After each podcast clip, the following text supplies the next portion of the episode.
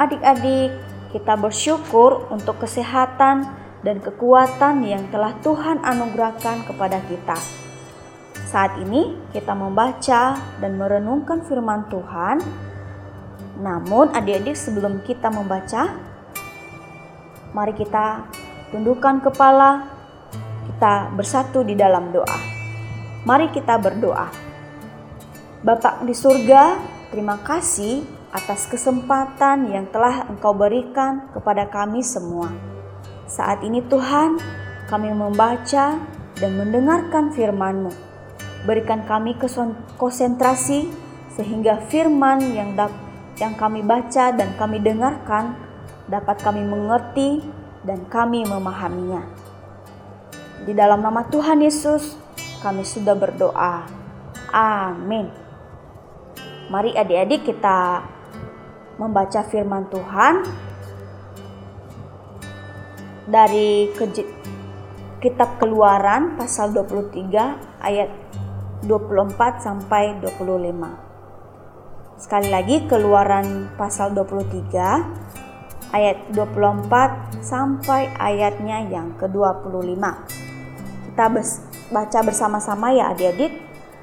Mulai dari ayat 24. Janganlah engkau sujud menyembah kepada Allah mereka atau beribadah kepada mereka. Dan janganlah engkau meniru perbuatan mereka, tetapi haruslah engkau memusnahkan sama sekali patung-patung berhala buatan mereka. Dan tugu-tugu berhala mereka haruslah kau remukan sama sekali. Tetapi kamu harus beribadah kepada Tuhan Allahmu maka ia akan memberikan roti makananmu dan air minumanmu dan aku akan menjauhkan penyakit dari tengah-tengahmu. Demikian firman Tuhan hari ini dan tema kita hari ini adalah berhala. Pokok ayat dari Keluaran pasal 23 ayatnya yang ke-24. Bunyinya demikian. Janganlah engkau sujud menyembah kepada Allah mereka atau beribadah kepada kepadanya dan janganlah engkau meniru perbuatan mereka tetapi haruslah engkau memusnahkan sama sekali patung-patung berhala buatan mereka dan tugu-tugu berhala mereka haruslah kau remukan sama sekali adik-adik yang terkasih di dalam nama Tuhan Yesus, menurut Kamus Besar Bahasa Indonesia, berhala berarti patung, dewa, atau sesuatu yang didewakan, yang disembah dan dipuja. Kata berhala sendiri disebut sebanyak 576 kali di dalam Alkitab. Wow, di dalam Alkitab sendiri berhala bisa berupa patung-patung, dewa-dewi, dan bangunan tertentu. Bahkan juga pohon, batu-batu besar, dan sebagainya. Bagaimana dengan berhala di masa sekarang?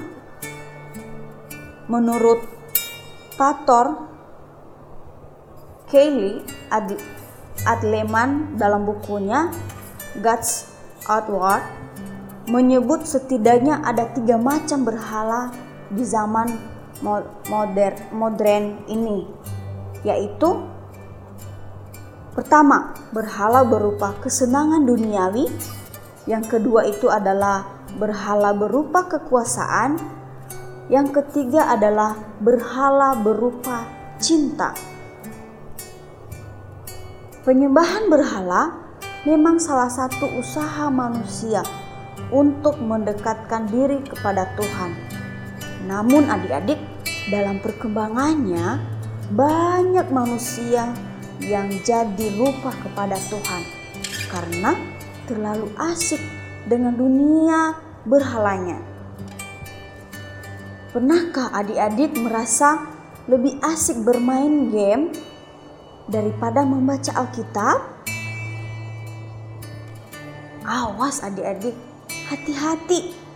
Jangan-jangan game sudah menjadi berhala dalam diri kita yang dapat menjauhkan kita dari Tuhan. Sehingga kita menomorduakan Tuhan.